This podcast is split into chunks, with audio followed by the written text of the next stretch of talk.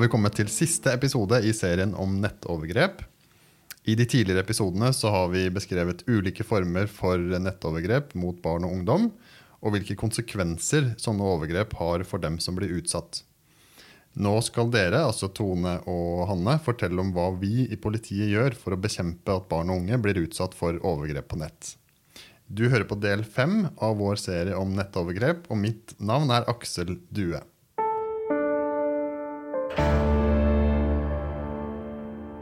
Eh, kanskje dere kan starte med å fortelle litt om Kripos sin rolle her? Eh, ja, det kan jeg gjøre. Um, Kripos er jo en nasjonal bistands- og kompetanseenhet i norsk politi. Og det vil jo si at vi har jo lite å gjøre med de lokale forebyggende tiltak retta mot enkeltindividet. Uh, og vi har heller ikke noe mandat til å pålegge f.eks. politidistriktene å gjøre ting som vi syns er lurt. uh, men vi prøver jo å bidra til resten av politiet sitt forebyggende arbeid gjennom å utvikle metode og verktøy for at deres arbeid f.eks. skal bli lettere og mer enhetlig på tvers av distriktsgrensene. Og I tillegg så drifter vi også en del um, nasjonale tiltak som det vil være unaturlig om et enkelt distrikt skulle drifte sjøl. Ikke sant. Og når vi er over på det, et av disse nasjonale tiltakene er internettfilteret. Kan ikke du fortelle litt om hva det er for noe, Hanne? Jo, det er jo et uh, samarbeidsprosjekt mellom Kripos og internettleverandørene. Og internettleverandørene, det er? Uh, det er jo de som gir oss tilgang på internett. Det kan jo være via fiberbredbånd eller mobilnett. Så det jo, kan jo være Altibox eller Telenor eller ja, hvem du måtte bruke som uh, internetttilbyder. Bra. Uh, og det er jo ikke sånn at uh, alle internettleverandørene i Norge er med dette, på dette tiltaket, men de aller fleste er det, og de største er det.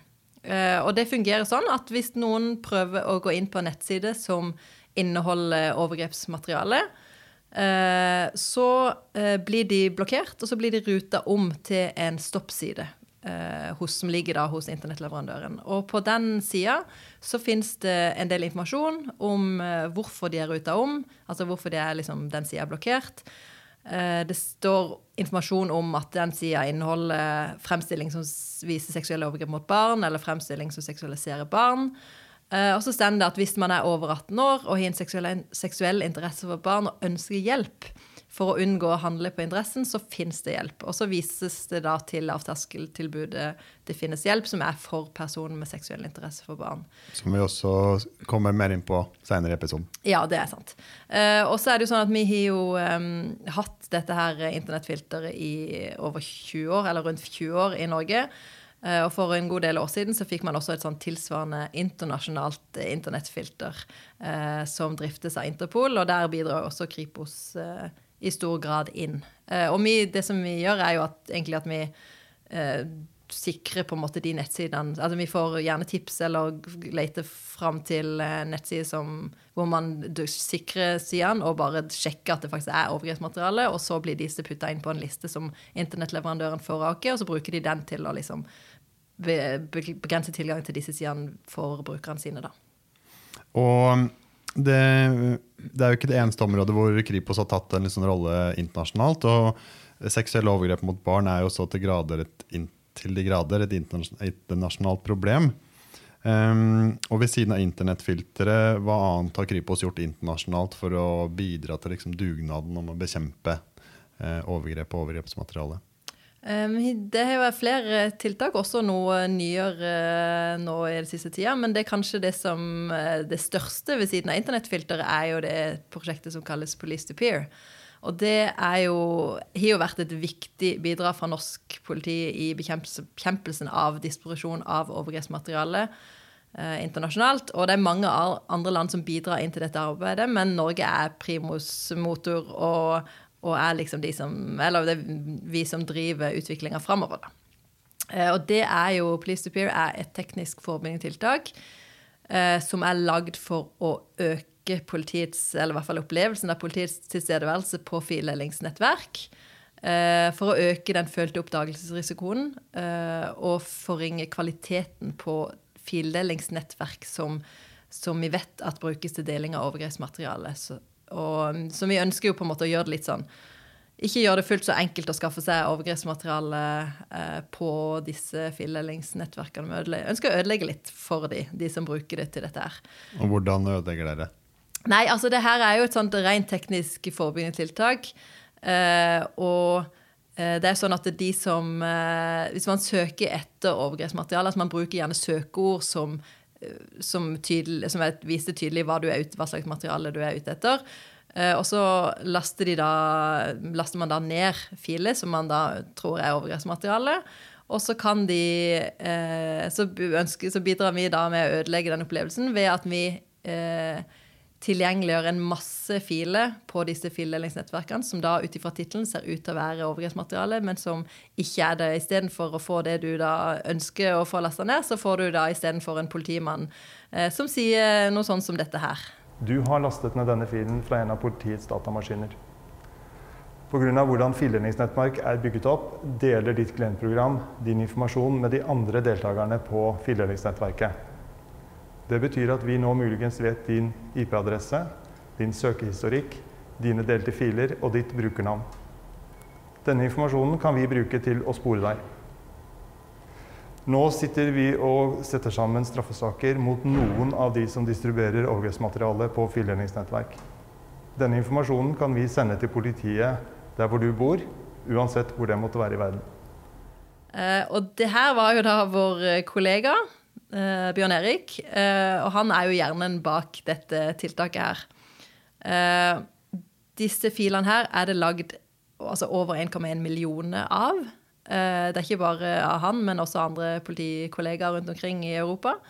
Eh, og det deler store mengder sånne filer fra servere på Kripos og andre europeiske lands politimyndigheter hver eneste dag. Eh, de er delt til nesten alle land i hele verden.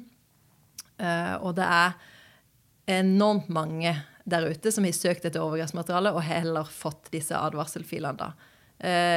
Bare i to, altså I 2022 eh, så var det over 700 000 unike IP-adresser som lasta ned fra eh, bare Police to Peer i Norge, da. Altså våre, våre maskiner, våre servere. Um, og over 2000 av disse 700 000 var jo norske. Um, så det er veldig mye, veldig mye, veldig mange som laster ned uh, disse filene. Uh, og um, og så er det jo i tillegg til at man ønsker på en måte å gjøre det litt sånn At de ødelegger opplevelsen for disse som ønsker å få tak i overgrepsmateriale, så har man jo i alle disse filmene også vist til en hjelpeside. Fordi at det er jo Vi håper jo også at en del av disse skjønner at dette ikke er greit. At dette, dette er ikke bra. Eh, og at de kan oppsøke hjelp. Så det er lagd en egen sånn nettside hvor man kan velge Altså det er en sånn eh, felles sånn portal der, hvor man kan gå inn og så kan man trykke på sitt land og finne, og se om det finnes noe hjelpetilbud til personer med seksuell interesse for barn i sitt land. Og da viser man da for Norges del til det finnes hjelp. Og det finnes hjelp er det Helsedirektoratet som eh, eier. I hvert fall kampanjen av det, uh, som vi har bidratt inn i. Men kan ikke du Tone, fortelle litt om hva, hva konseptet er? Ja, Det finnes hjelp er jo et tilbud til voksne som har en seksuell interesse ved barn, og som ønsker hjelp til å unngå å handle på den interessen. Eh, det er et lavterskeltilbud. Eh, det ble lansert i 2020. Begynner å bli noen år. Eh, og da finner man inne på nettsida detfinneshjelp.no. Der er det informasjon om tilbudet. Det er også lavterskel veiledning via både chat og telefon. Og I tillegg så tilbys det behandling til personer som ønsker det. Her er jo nedre aldersgrense 18 år, så det er voksne som har denne muligheten. Og vi kunne snakka masse om um, de, gjernings, de, personene som har seksuell interesse for barn som er under 18 år. Altså, men det får vi ta neste nettserie om. Mm. Um, men i en tidligere episode så snakka vi om delbart. Um, og mens vi snakker om uh, tiltak som vi gjør her på Kripos for å være med å bekjempe uh, nettovergrep og deling av overgrepsmateriale, så tenker jeg det er veldig relevant å trekke fram delbart. Um, kan ikke du snakke litt om hva var bakgrunnen, og, og hva er det vi har gjort for noe med Delbart? Ja, eh, Delbart er et undervisningsopplegg. Eh, og det handler om ulovlig bildedeling og seksuell utpressing. Vi laga det undervisningsopplegget, hele det konseptet med delbart, eh, for at de unge skulle få mer kunnskap, sånn at de kunne ta gode valg både for seg sjøl, men også for andre. Vi ønsker jo ikke at de skal gjøre seg til lovbryter uten å være klar over det. Altså det at de kan ta informerte, bevisste valg, ikke dele på automatikk. Eh, og på nettsida politiet.no slash delbart, der ligger undervisningsopplegget. Kjempeenkelt å ta i bruk. Alle kan bruke det. Og jeg tenker at det er nyttig for foreldre også å ta en titt på det, eh, om ikke de har fått den undervisninga på skolen allerede. For vi anbefaler jo det at foreldrene også gjennomgår samme foredrag som barna.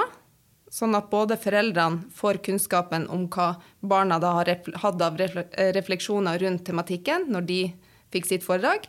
Eh, og så tror jeg de foresatte kan lære masse om tematikken.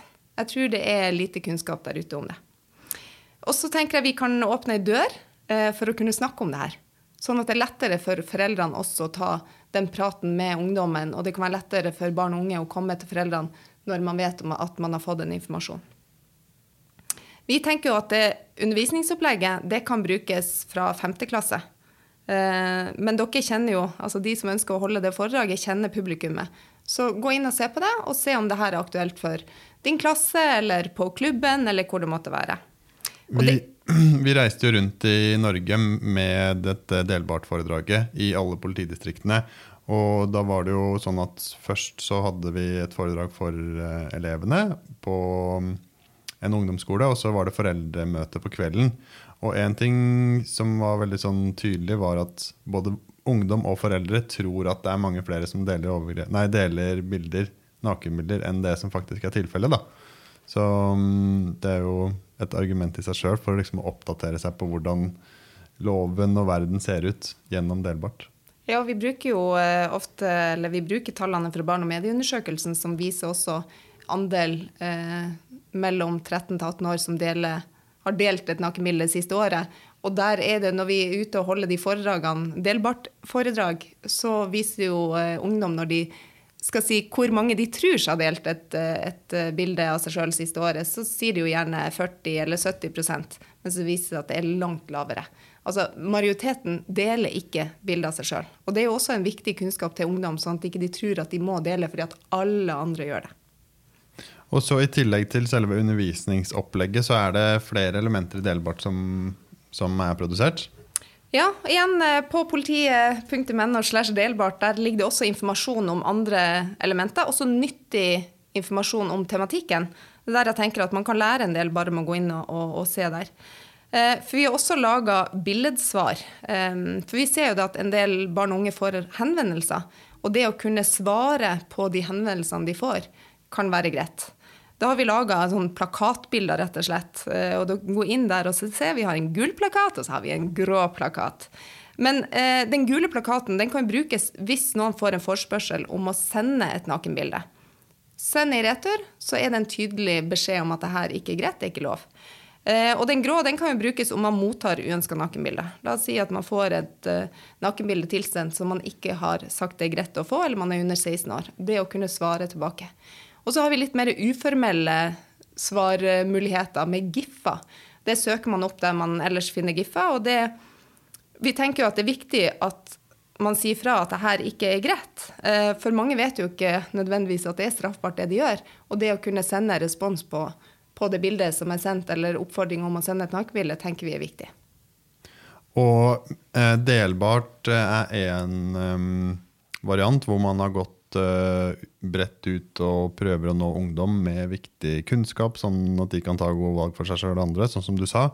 Men i det siste så har vi også jobba mer med å dreie forebygginga mot uh, de som faktisk utøver kriminaliteten. De som har seksuell interesse for barn, og som, gjør, som, som uh, blir gjerningspersoner. Um, kan ikke du si litt mer om det arbeidet, Hanne? Ja. Vi altså, vi skal jo selvfølgelig fortsette å gi barn og foresatte kunnskap og verktøy til å beskytte seg sjøl og sine barn, men hvis vi kan stanse det på en måte allerede hos den potensielle gjerningspersonen, så er jo det enda bedre. For da kan vi jo i det hele, unngå at barn i det hele tatt blir forsøkt uh, utsatt for overgrep. Så vi, uh, De siste årene blant annet, så har vi jo brukt en del tid på å kartlegge hva slags forebyggende tiltak som politiet iverksetter opp mot da potensielle gjerningspersoner. Eh, og vi erfarte jo, som vi trodde, at det var ganske varierende hva som ble gjort av tiltak, og i hvilke situasjoner de ble vurdert i de ulike politidistriktene. For politiet har jo en ganske stor eh, forebyggende verktøykasse også når det gjelder denne her, denne her målgruppa, og vi blir jo nå heldigvis stadig bedre til å bruke av den. Eh, for eksempel så så fatta Møre og Romsdal politidistrikt et vedtak om tilbakekall av pass overfor en mann som var dømt for direkte overførte bestillingsovergrep mot barn på Filippinene. Og så hadde han også omfattende besittelse av overgrepsbilder og videoer, eller dokumentasjon på overgrep mot barn. Um, og i vedtaket fra politidistriktet i det tilfellet der, så sto det at de mente det var grunn til å mistenke at et av formålene med en eventuelt reise til utlandet for han, var å begå uh, overgrep mot barn. Og det, de, det kunne de på en måte si med bakgrunn i chattet som var dokumentert i straffesaken, hvor han bl.a. spurte hva slags type overgrep han kunne utføre på konkrete barn hvis han kom til Filippinene. Eh, så i sånne situasjoner så må norske myndigheter være sitt ansvar bevisst, og ikke tillate at en person med sånne hensikter kan reise til andre land for å begå overgrep mot sårbare barn. For disse barna må vi også jobbe for å beskytte mot overgrep fra våre borgere. Uh, og så er det jo, ikke sant, det er et, altså Tilbakekall av pass er jo ett tiltak. Det, det, er en rekke tiltak man kan bruke. Det er både i og utenfor straffesporet. Der er andre typer forebygging gjennom forvaltning. altså Man kan inndra førerkort, kjøreseddel. Eh, samarbeide internasjonalt, dele informasjon. Eh, og man kan utlevere informasjon til både offentlige aktører og private aktører. Ofte så er det jo sånn at det kan godt være det andre enn politiet som sitter med de aller beste tiltakene. Så hvis vi kan, i politiet kan dele informasjon med andre aktører, så kan det bidra til at de kommer i posisjon til å verksette tiltak som eh, gir mest effekt. Så eh, det er mye som kan gjøres, og politiet begynner å bli bedre på å bruke disse tiltakene, men det jobber vi fortsatt med å, å bidra til at man uh, bruker enda flere av disse tiltakene til opp mot gjerningspersonene. Og så um, skal vi litt inn på hvordan vi setter skol, skolene i bedre stand til å forebygge at elevene blir utsatt for nettavgrep nettovergrep mens de går på skolen. Um, det er jo Det at skolen er så gjennomdigitalisert, gjør jo også at elevene blir sårbare for overgrep mens de går på skolen, og særlig kanskje under korona, så, eh, hvor det var mye digital undervisning. Så, så um, fikk jo det litt fart. Kan ikke du Tone, snakke litt om hvordan vi bidrar til å gjøre skolehverdagen tryggere? Ja, det er jo så du sier det, at skolen så gir de tilgang til elektronisk enhet og internett til barna i læringsøyemed. Uh, og det tenker jeg jo er kjempebra, men da må vi også ha noen, noen verktøy der. For vi har jo vært inne på det før. Vi setter oss jo ikke i bilen og kjører av gårde med ungen uten å sette på det sikkerhetsbeltet. Uh, og da tenkte jo vi i politiet at vi kunne bidra med et sikkerhetstiltak uh, i kommunene i form av et blokkeringsfilter for grunnskolen. vi i politiet mottar jo stadig tips og anmeldelser som omhandler seksuelle krenkelser som barn blir utsatt for i skoletida eller ved bruk av de elektroniske enhetene eh, som da skolen har levert ut. Eh, og den Oppstarten av det blokkeringsfilteret var at Sør-Vest politidistrikt de fikk bl.a. en rekke saker hvor barna har vært utsatt for seksuelle krenkelser på nettsider som Omegle og Chatroulette. Og de har vi jo snakka om i en tidligere episode, så det kjenner vi jo til hva, hva det er utfallet av. Eh, men i alle fall, i i Sør-Vest politidistrikt så fikk de gjennom politirådene da anbefalt kommunene sine eh, til å blokkere disse nettsidene fra elevenes skole-PC eller iPad eller elektroniske enheter. Da. For vi vet jo at personer med seksuell interesse for barn de oppsøker nettsider der hvor ungene er. Eh, og politiet har jo sett i rekke etterforskninger at ungene oppsøker nettsider som er laga for voksne, og at dette øker risikoen for å bli utsatt for seksuelle overgrep. Og vi ser jo også at unger blir utsatt uh, for seksuell krenkelse av hverandre og forleda eller pressa til å utføre seksuelle handlinger med seg sjøl. Og det her blir da dokumentert og delt på internett. Men sånn kort fortalt så er blokkeringsfilteret for grunnskolen uh, ei liste over nettsider som kommunene anbefales å begrense elevenes tilgang til. Og filteret skal forebygge seksuelle overgrep ved å forhindre kontakt med potensielle overgripere. Så dette er et nasjonalt Forebyggende tiltak som vi drifter her på Kripos, og politikontaktene i politidistriktene er kontaktpunkt opp mot kommunene.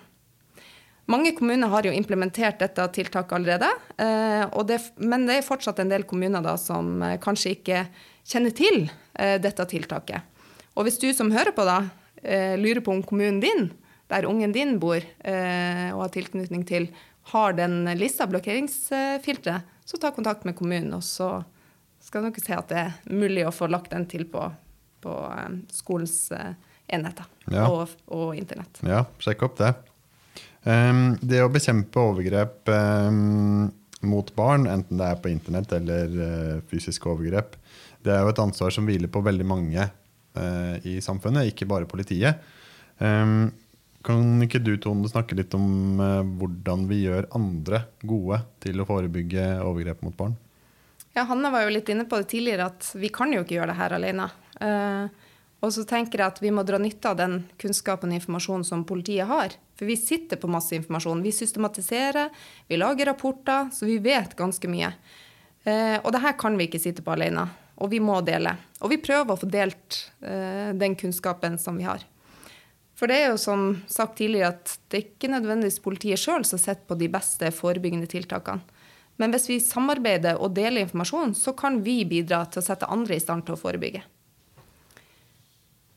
Eh, vi må jo bruke både samarbeidspartnere, og det har vi jo både på lokalt og nasjonalt nivå, eh, og dele denne informasjonen. Og igjen eh, informasjon til publikum. Sånn som vi snakker om politiet.no, ligger masse informasjon der.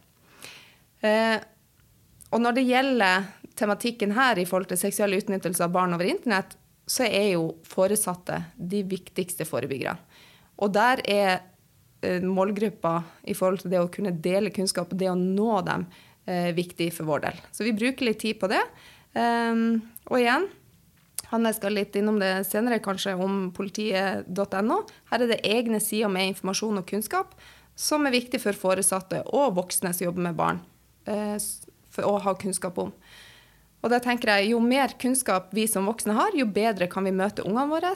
Eh, og liksom hjelpe dem både til å ta gode valg, men også å, sikre dem sånn at de ikke blir utsatt for uh, seksuelle krenkelser eller annet. Mm, ja, for enten du er foreldre eller eh, fosterforeldre eller lærer eller fotballtrener eller på annen måte jobber med barn, så har jo du et ansvar for å gi de barna eller de ungdommene en trygg oppvekst, også digitalt. Så Hanne, gi oss nå rådene til voksne.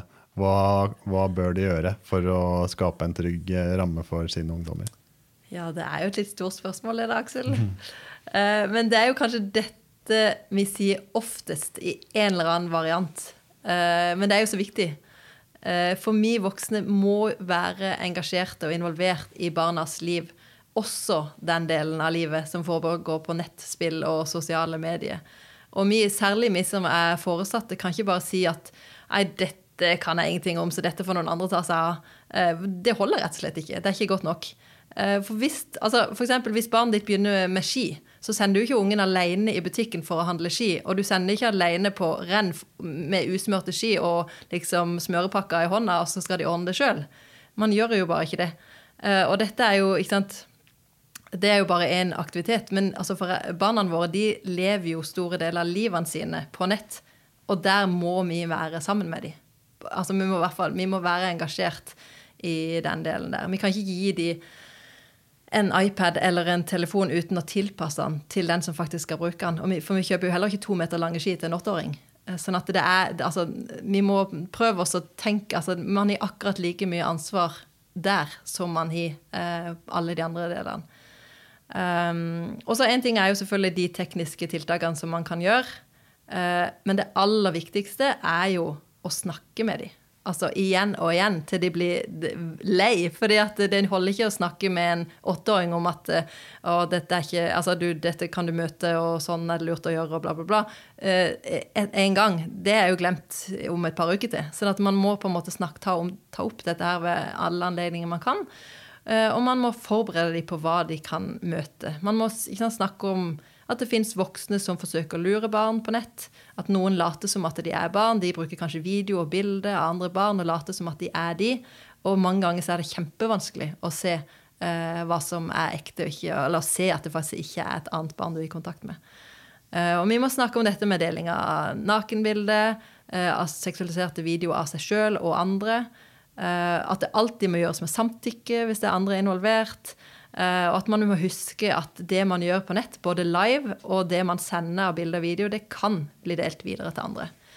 Og hvis man først har gjort det, først har sendt det, så har man ikke lenger kontroll på det sjøl. Uh, og heldigvis er det ikke sånn at, dette, at, det alltid blir spredd videre. Men det kan skje, og det er viktig å ha med seg det i vurderinga. Uh, det kan være lurt å for tenke sant, hva, om, hva om foreldrene mine får sett det? Hva om hele skolen får sett det? Hvordan hadde det vært? Men så vet vi jo, som vi også sier, sier ganske ofte vel, uh, at en del unge sender nakenbilder av seg sjøl til andre, og i mange tilfeller så går det helt fint. Fordi at det blir i den fortrolige, fortrolige settinga og fortrolige relasjonen som det var ment for. Men siden vi også ser at en del av dette seksualiserte materialet kommer på avveie, så må vi snakke med barna om det, sånn at de har det med seg i bakhodet. Uh, og også siden vi vet at en del, barn, en del barn og unge deler nakenbilder frivillig, eller de blir lurt eller pressa til å dele ting, så må vi alltid også når vi snakker om dette, legge til at hvis du likevel havner i en vanskelig situasjon, uansett, kanskje du har gjort noe av det som vi har advart mot, så må du likevel komme og si ifra, for jeg skal hjelpe deg. Det, liksom, det må man alltid ha med, for ellers så legger man lista for å komme og si ifra kjempehøyt. Hvis du gjør det du har fått beskjed om 18 ganger at du ikke skal gjøre, så blir det fryktelig vanskelig å komme og si at æsj, jeg gjorde det visst likevel. Så det er superviktig. Så der, eh, som Tone var inne på, den, altså, mm, på sida på altså, politiet.no så har man en egen side som heter, handler om seksuell utnyttelse av barn på nett. Hvor det er informasjon og råd om ulike tematikker. F.eks. Eh, barn og unge som deler seksualisert materiale av seg sjøl. Ungdom som selger seksualiserte bilder. Eh, det er, handler om altså, seksuell utpressing, omegle, flere temaer som er veldig relevante i denne, den, sammenhengen. Og der kan foreldre gå inn, eller voksne som jobber med barn, gå inn og få informasjon om disse ulike fenomenene. Eh, få litt sånn, tips og råd om hva som konkret kan gjøres av tekniske tiltak, men også hva er det lurt å snakke om, og den type ting. Og så I tillegg så har jo også Bufdir en kjempebra side som heter foreldrehverdag.no, den er kjempebra for foreldre å gå inn. Der kan man gå inn og finne alderstilpassa eh, innhold. Altså hvordan snakke med barn om seksualitet, hvordan snakke med barn om altså ja, Veldig bra side som jeg virkelig anbefaler at eh, foreldre bruker. Bra. Da er vi gjennom fem episoder med mm, informasjon, råd, eh, eh, eksempelsaker om nettovergrep. Og tusen takk til eh, deg som har hørt på, enten du har bare hørt på én episode eller faktisk alle fem. Og vi håper jo det har gitt deg kunnskap og motivasjon til å lære mer og bli en bedre versjon av foreldre deg, eller foresatte deg. Um, du, Podkasten du hører på, heter Med Kripos på jobb, og mitt navn det er Aksel Due.